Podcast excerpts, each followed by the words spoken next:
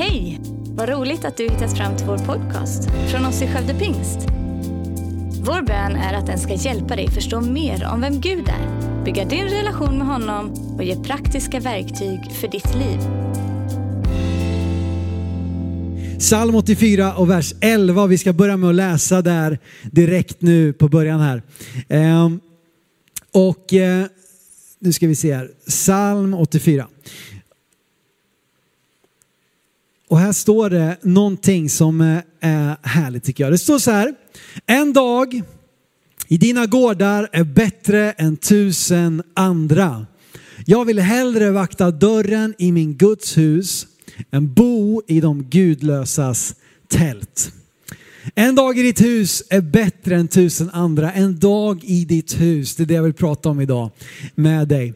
Och eh, jag gillar hur, eh, hur The Message uttrycker det här. Det är en bibelöversättning som, eh, eh, eller en, en, en, en eh, vad, vad, säger man, en parafras heter det.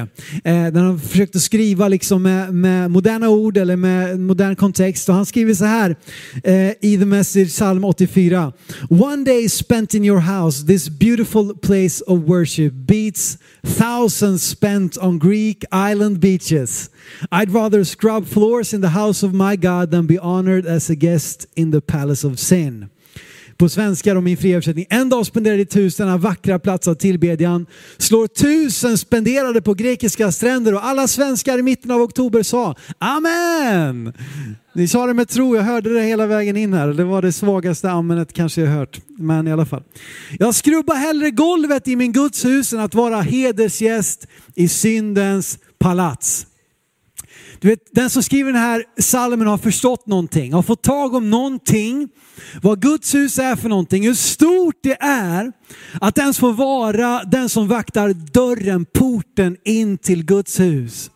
Att en sån dag, om jag inte skulle få spendera en enda dag i Guds hus så skulle det inte vara värt att byta, eller den enda dagen mot tusen dagar på din favoritplats på jorden. Jag vet inte alls vad en, en lycklig dag är för dig i ditt liv. Kanske vilken given dag som helst som solen skiner och värmer. Det är inte så mycket som ska till liksom för att få en, en, en svensk att, att lysa upp. Kanske den dag när Manchester United vinner. Ja, idag Tottenham 17.30, var med, kolla, stötta vårt lag. Eh, ja. Det var ännu svagare det användet här, men det, var, det finns några, vi är några som håller fast. Eh, kanske är det när du fyller år, kanske är det julafton. Kanske en dag på Ullared, va? Det är ingen som vill bekänna sånt, men det, det, jag har ju förstått alltså att man bokar stugor och tar ledigt från jobbet och åker ner och spenderar två, tre dagar eh, på Ullared. Underbart. För Koras söner, eller Koras söner, jag vet inte exakt hur man ska uttala det, som har skrivit den här salmen, så var en lycklig dag en dag i Guds hus. Alltså Koras söner, eh, jag vet inte om du har tänkt på dem någon gång när du har läst Bibeln. De dyker upp som psalmförfattare till ett antal psalmer, men liksom var kommer de ifrån? De som har skrivit det här psalmen som vi bygger det här årets hjärta fruset på, vad, vad, har de för story? De har en väldigt spännande story ska jag säga. Koras släkt då, eller Koras söner, de tillhörde Levi stam. Bibeln talar om Abrahams, Isaks och Jakobs Gud, de tre stycken eh, liksom, trons fäder, patriarkerna som, som blev grunden för hela den, det judiska folket. Eh, Jakob då, eller som fick namnet Israel senare, han fick tolv stycken söner som blev Israels tolv stammar och därifrån så har vi eh, liksom fortfarande idag då det judiska folket. Levis stam, de var utvalda av Gud, alltså Levis söner och alla som, som föddes in i Levis stam, eller Levis släkt. De var utvalda av Gud, av Gud att göra tjänst i templet. De var tempeltjänare. Eh, några var präster, inte alla, men alla hade olika tjänster och funktioner i templet, i Guds hus eller kring då tabernaklet som det var från början, när de gick i öknen. Eh, av leviterna så var det bara Arons söner, ni vet Aron som var brorsa med Mose. Det var bara de som kom ifrån hans släkt som skulle vara präster. Och prästerna hade det specifika att det var de som utförde alla offer som vi läser om i Bibeln, som var liksom den viktigaste eh, funktionen på ett sätt. Men för att präst, offertjänst skulle funka behövde allt annat funka också.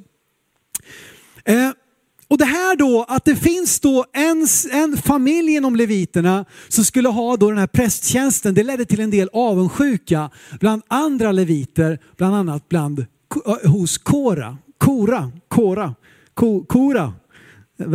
Inga kor här, men Kora i alla fall.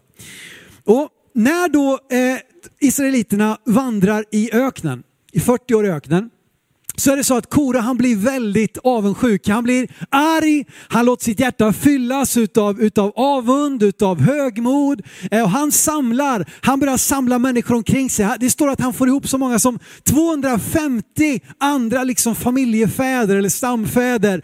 Och så samlar de i ett uppror mot Mose och Aron som ledde Israels folk genom ökenvandringen på väg till det förlovade landet. Eh, under den här långa då 40-årsperioden där de bara gick och väntade så att säga. Eh, och grejen är att både Kora och Aron kommer från samma stam av Levis stam. Nu är det mycket familjer här. Men båda de två kommer från Kehats släkt. Som från Kehat då som var barn till eh, Levi, son till Levi, så har vi både Aron och Kora. Men Kora tyckte att varför ska Aron få den här speciella ställningen? Varför ska Mose ha en speciell, eh, speciell plats? Varför ska bara de få, vad är det som är, gör att de är för mer än oss?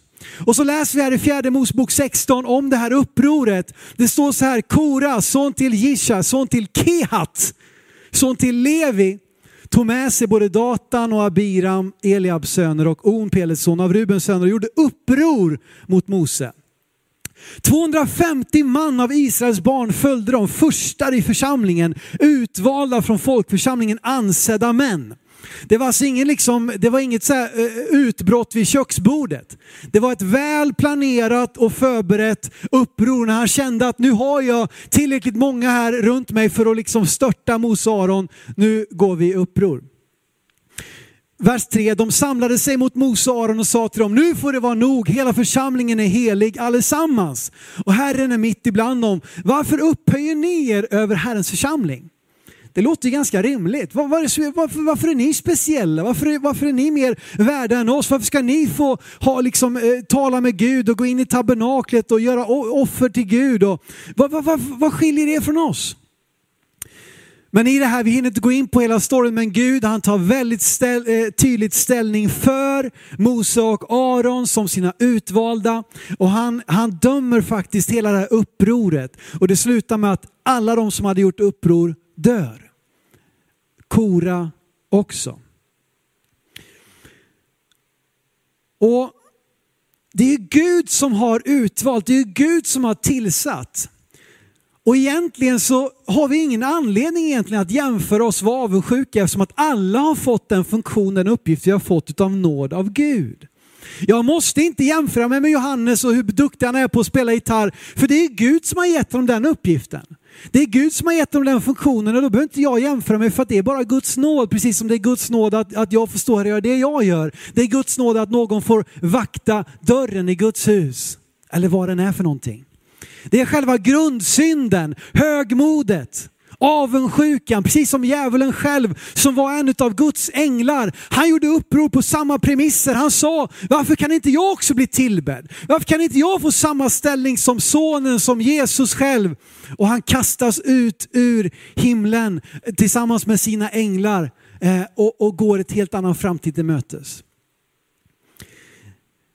Upproret leder till upprorsmakarnas död, omedelbara straff med Kora i spetsen och det kunde, eller kanske rent av borde blivit slutet för Koras släkt. Men, men, det blev inte det. Längre fram i fjärde Mosebok, vet, fjärde Mosebok är ju den boken som löper över 40 år. Det är en folkräkning i början, sen går det 40 år när de, de har ju dömts till att vandra i öknen eh, för att de har gjort uppror mot Gud. Så de måste vandra i öknen tills en hel generation har dött där ute i öknen. Sen kommer en folkräkning igen på slutet och här så påminner man om just Koras söner. Och det står så här i fjärde Mosebok 26 10 och 11. Då står det så här att och när de återberättar det här då vid den andra folkräkningen, det har alltså gått ett antal decennier även om det bara gått tio kapitel i fjärde Mosebok. Då står det, då öppnade jorden sitt gap och slukade dem tillsammans med Kora och hans grupp omkom genom att elden förtädde de 250 männen och de blev ett varnande exempel. Men, men, men, Koras söner omkom inte. Koras söner omkom inte. De lever vidare och de fortsätter i tjänst för Gud. Och grejen med just Koras söner, det var att deras uppgift redan i öknen, det var att vakta ingångarna till leviternas, temp till leviternas område. Det var att stå vid alla ingångar till, till lägret och säga stopp, vad har du för anledning att komma hit? Eller hindra om det kom fiender. Det var deras uppgift redan i ökenvandringen. Och när de blir bosatta i Israel, i Jerusalem, så får de en ny ny uppgift, nämligen att, att vakta dörrar i Jerusalem, vakta portar till templet som sedan ska byggas. De fick alltså den här uppgiften, följde de genom hela deras, hela deras släkt så var den uppgiften eh, där. Men det som Kora hade tyckt var för lite, det som Kora hade tyckt var, liksom, varför ska vi hålla på med det här skitgörat rent ut sagt? Så var det så att hans söner såg på det med andra ögon. De såg att det här, det finns inget bättre. Och under kung Davids tid, ni vet, det, det, Israel kommer till slut in, eh, Israels folk kommer in i landet, intar det. Jerusalem blir huvudstaden där eh, templet byggs eh, och tabernaklet innan det. Och där ser det så att kung David då, som ju var en riktig lovsångsledare, en lovsångsskrivare. Han skrev ju mer eller mindre hela saltaren. David han värderar lovsångstjänsten. Så han, han startar ett lovsångsteam bland leviterna, bland de då som var ut, eh, tillsatta för att tjäna Gud, den stammen i Israels folk. Han startar ett lovsångsteam. Och bland det här lovsångsteamet så utser han bland annat Koras söner. Faktum är att han utser en, tre stycken lovsångsledare ifrån alla Levis tre söner. Så det visar för mig att vi har alla en tjänst att göra inför Gud i att lovsjunga honom. Men inte minst så blev Koras söner också utvalda att vara med i lovsångstjänst för Gud. Och vi läser om det bland annat i andra krönikeboken 20, vers 19. Vi tar det snabbt här. Det står att de leviter som hörde till keatiternas och koraiternas folk stod upp och lovade Herren, Israels Gud, med hög och stark röst. De var alltså med där på frontlinjen och lovsjöng och lovprisade, gick i spetsen för armén när de inte var hemma och vaktade dörrarna till templet och till Jerusalem. Och det är också så att Koras söner de tillskrivs 11 utav Saltarens 150 salmer. Psalmboken i Bibeln består av 150 salmer. 11 av dem tillskrivs Koras söner. Jag tycker det är intressant också att det nästan alla av dem står just Koras söner. Det är inte längre viktigt att mitt namn ska stå. Det är inte längre viktigt att jag ska framhävas i min person. Utan jag är bara glad att jag får vara en del av det stora teamet i det stora som Gud gör. Och bland annat har de skrivit psalm 42 49 och nu ska du få ett litet sång, sångmedley här eh, ifrån de här verserna. Jag, jag satt och läste igenom de här psalmerna inför det här och direkt så bara poppar det upp gamla klassiker. Så nu, nu Albin får du vara med snabbt här. Jag säger bara bibelverserna, sen ska ni få en liten sång här. Får ni se om vi känner igen dem. Psalm 42 och 2. Då finns den här lovsången. Som en hjort längtar efter vatten, längtar min själ. Känner ni igen den? Psalm 45. Mitt hjärta flödar över av sköna ord. Jag säger min sång gäller en konung. En konung gäller min sång. Ja, den ska ni kunna innan ni har gått ut konfan här nu, alla ni konfirmander. Psalm 46, där har vi lite mer cool sån här Hillsong-låt. Bli stilla och besinna. Be still and know that the Lord is in control. Ja. Sen psalm 47, då tar vi oss tillbaka till, till min barnkör. Jag tror vi sjöng den där i alla fall. Då var det så här, klapp Klappa händer, klappa, klappa händer, klappa, klappa händer.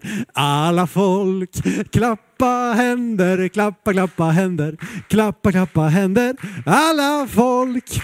Har man inte mer än så, alltså ge mig bara en mening ifrån Psaltaren ska du få en lovsång. Ja, det var bara ett litet urval här utav gamla godingar som jag upptäckte här. Du kanske hittar fler sånger om du läser de här verserna.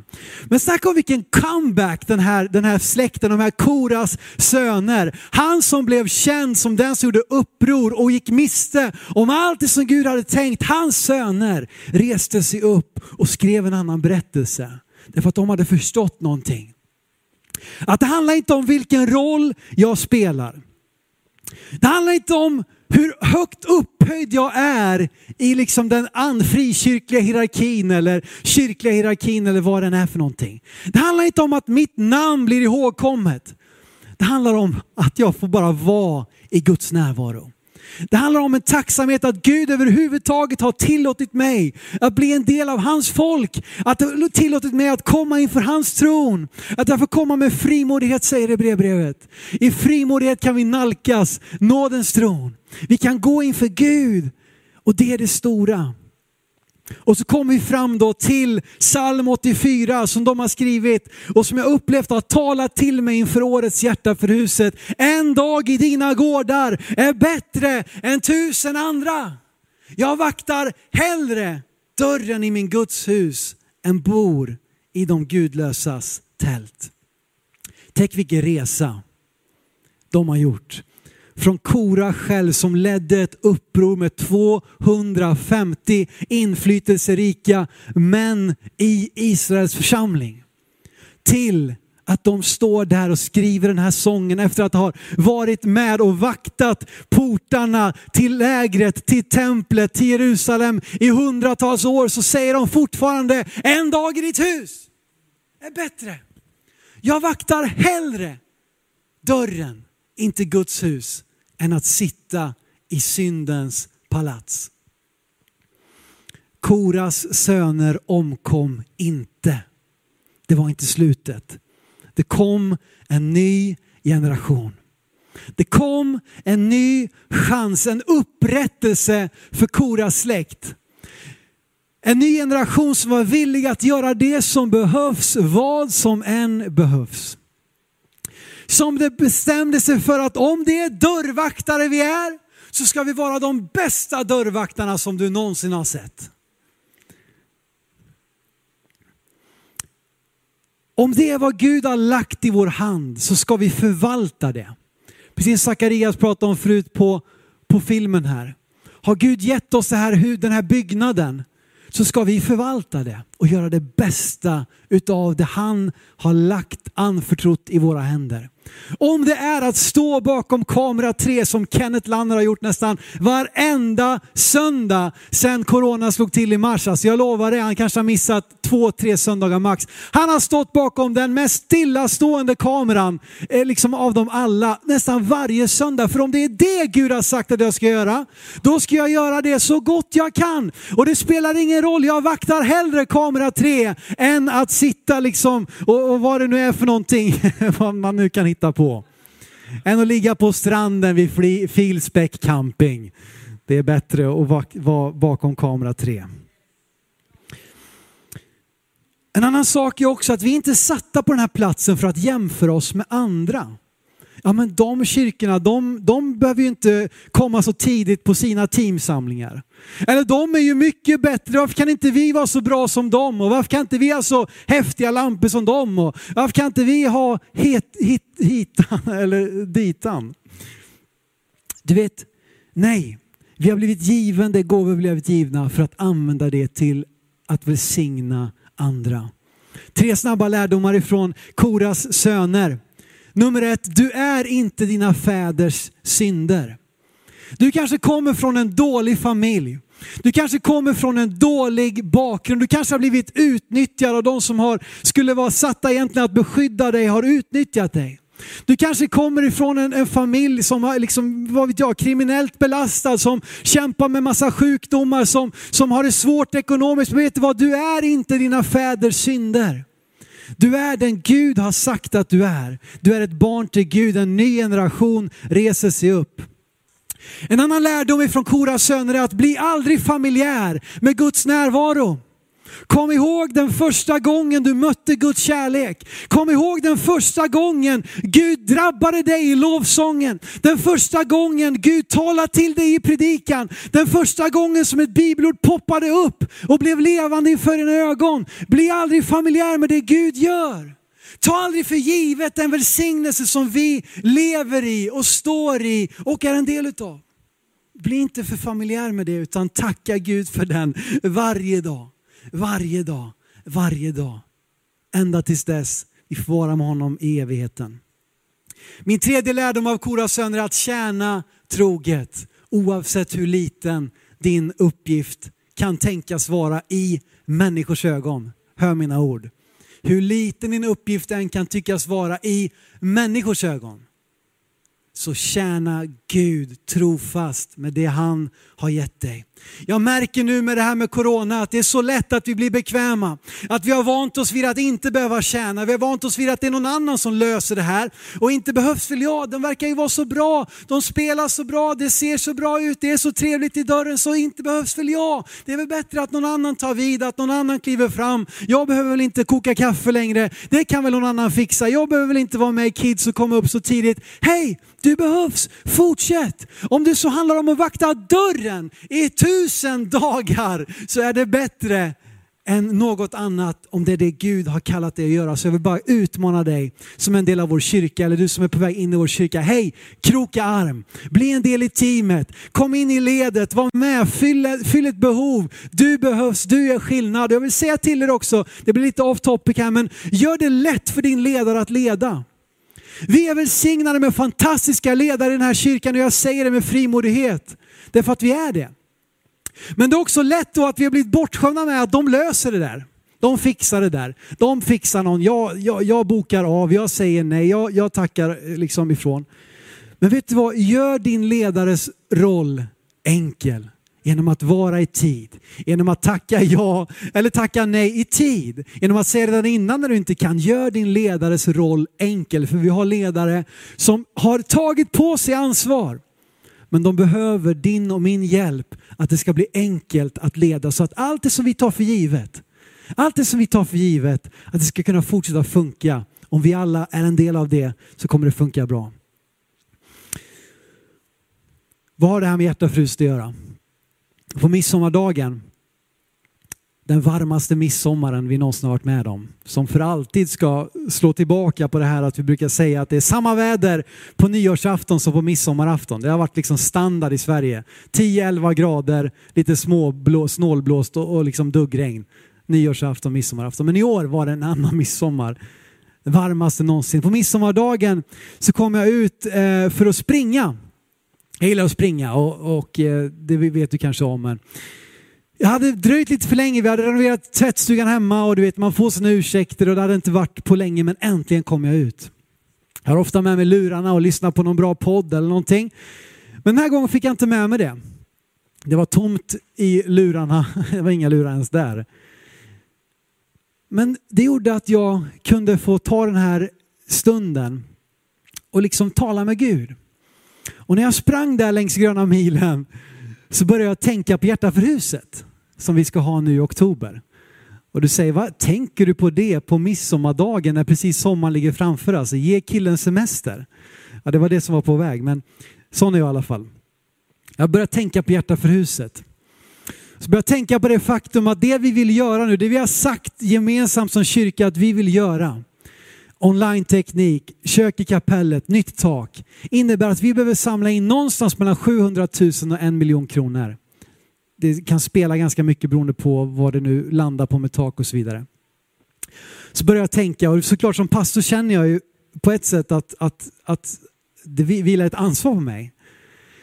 Och jag började fundera där och jag upplevde liksom att, att Gud ändå började hjälpa mig att tänka. Och så började jag tänka, finns det 103 givare i vår kyrka som vill vara med i Hjärta för huset.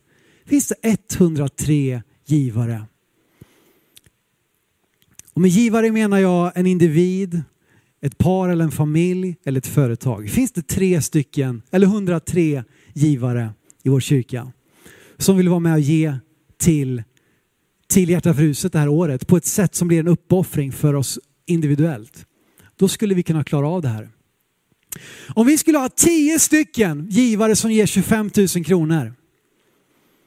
Om vi skulle ha 40 givare som ger 10 000 kronor. Om vi skulle ha 50 givare som ger 1 000 kronor. Och om vi skulle ha tre stycken givare som ger en above and beyond summa, en extraordinär gåva. Då skulle vi samla in ungefär 850 000 kronor. Och vi skulle kunna göra det som vi har satt upp som mål. Om vi har 103 givare. Jag har gjort sådana här kalkyler förut och det ser så självklart ut på pappret, det ser så enkelt ut, men hur ska det ske? För att det är, lätt, det är lätt att säga så, men det där är väl inga problem, men sen blir det inte så. Varför? Därför att vi kanske, vi, vad, vad tänker du på när du tänker på hjärta för huset? Är det liksom en, eh, vad vet jag, en, en månad på gymmet? Eller mots, eh, är det motsvarighet liksom att, att, vad vet jag, betala en avbetalning på telefonen? Jag vet inte alls vad du får för bild. Men när jag sprang där så kände jag att Gud sa till mig att Simon, betyder jag mer för dig än semestern? Liksom eh, skiftade spår, vad har det här med något att göra? Jag känner en så tydlig fråga, betyder jag mer för dig Simon än semestern? Och som pastor, det är klart man måste säga ja. Absolut, 110 procent. Det är klart det betyder mer för mig än semestern. Skämtar du med mig Gud? Ingen, inga, ingen tvekan. Och så insåg jag, okej, okay, om Gud vill att jag ska tänka kanske på hjärta förut som jag tänker på min semester. Är jag villig att lägga samma summa på hjärta för huset som jag ville lägga på min semester? Oj, nu blir det utmanande här. Ja, men jag har ju sparat här. Jag ska ju åka till Karibien. Jag vet inte var du ska åka någonstans. Jag ska ju åka och campa i Tiveden. Jag vet inte alls vad du har. Semestern är så olika för oss var och en. Va? Men jag tror att det där är ett bra sätt att se på hjärta för huset. Det är olika för oss var och en. En del har inga problem alls att lägga 25-50 000 på semester varje år. Och jag säger inte att det är något fel. God bless you, åk på massa semester. Någon så sparar man liksom för att kunna åka kanske och campa några dagar. Man får ihop, vad vet jag, 7, 8, 10 000 kronor för att ge sig iväg på en campingresa i 10-14 dagar. Någon liksom är det att kunna komma iväg på Liseberg en dag. Jag, jag värderar inte nu vad som, är, vad som är rätt och fel, det är inte det jag är ute efter. Semestern är helt olika för oss var och en. Men skulle vi kunna se på hjärta för huset att det kan vara värt på samma sätt som vår semester är? Jag skulle vilja utmana oss till det. Du vet, jag tänker inte att Hjärta fruset är liksom eh, min, min, vanliga givande, mitt tionde, mitt regelbundna givande. Det är en del av min liksom, budget. Precis som jag betalar eh, eh, räntor på lånet eller uppvärmning i huset, matkassan. Tiondet är precis lika naturligt som alla de här fasta kostnaderna. Men semestern, ja men det sparar i alla fall jag och Karo till. Sätter av en liten summa för att kunna åka på semester. Vi älskar semester. Jag har gjort massa häftiga resor genom åren och jag, jag älskar det. Och jag missunnar ingen någonting. Men kan Gud få vara värd samma som semestern? Jag tror det. Jag vill utmana dig och mig i det. Och sen flera år tillbaka har jag och Karo också faktiskt, samma sätt som vi sparar till semestern varje månad, kan vara ett tips för någon här, så har vi också sparat till hjärta för huset varje månad. Varför då? För att kunna komma redo när det väl är dags. Och jag känner en sån utmaning i år, Simon, kan jag betyda mer än din semester. Och jag kan bara räkna för min egen del vad, vi, vad jag och Carro har lagt på semester genom åren. Det är inte lite pengar. Och jag älskar det. Gud välsignar oss med upplevelser och minnen för livet. Men kan också hjärtafruset få vara på liknande sätt? Jag tror det. Men vi ska läsa till slut här Ordspråksboken kapitel 4. Ordspråksboken 4 och vers 23. För att vad det handlar om egentligen är ju var har du ditt hjärta någonstans? Anledningen till att vi kan få pengar till en ny tv, till ett par nya jeans, till en semesterresa är för att vi har det i våra hjärtan. Vi, vi vill ha, vi längtar efter det, vi vill ha det, vi, vi liksom brinner för det. På samma sätt så tror jag att om vårt hjärta är i Guds hus så hittar vi den där, de där pengarna och vi kan göra det tillsammans som ingen av oss skulle kunna göra ensam. Var har du ditt hjärta? Ordspråksboken 4.3 säger mer än allt som ska bevaras, bevara ditt hjärta för därifrån utgår livet. Hjärta för huset handlar inte främst om dina pengar, det handlar främst om ditt hjärta, hjärta för huset. Det handlar om att ditt hjärta ska bli rätt inför Gud, att ditt hjärta ska få ha en, en direkt kontakt, en ren relation, en ren kontakt med Gud själv. Och när ditt hjärta är rätt med Gud, när ditt hjärta har kommit i linje med han själv som har skapat dig, då kommer också givandet som en, som en frukt ur vad han har gjort i ditt hjärta. Bevara ditt hjärta. Romarbrevet 10 och 9 står det så här att om du med din mun bekänner att Jesus är Herren och i ditt hjärta tror att Gud har uppväckt honom från de döda ska du bli frälst. Hej, ska vi stå upp tillsammans, du som är i någon av våra hubbar, så ska vi lovsjunga Gud tillsammans och sjunga ut. Jag vill bara utmana dig. Var har du ditt hjärta? Vad är det värt? Det här huset som vi är en del utav, den här kroppen som vi alla tillhör. Vad får det vara värt? Vad får det kosta? Tack för att du lyssnat. Dela gärna podden med dina vänner och glöm inte att prenumerera så du inte missar nästa predikan. Om du har några frågor eller vill att vi ska be eller tacka för något tillsammans med dig så får du gärna höra av dig till kyrkan skövdepingst.se. För oss är veckans höjdpunkt söndagens gudstjänst och det vore så kul att träffa dig där. Våra team finns då redo att ta emot dig och det finns även egna samlingar för barnen. Du hittar mer information om oss, vilka vi är och våra olika mötesplatser på skövdepingst.se. Gud välsigne dig och ha en fortsatt bra vecka.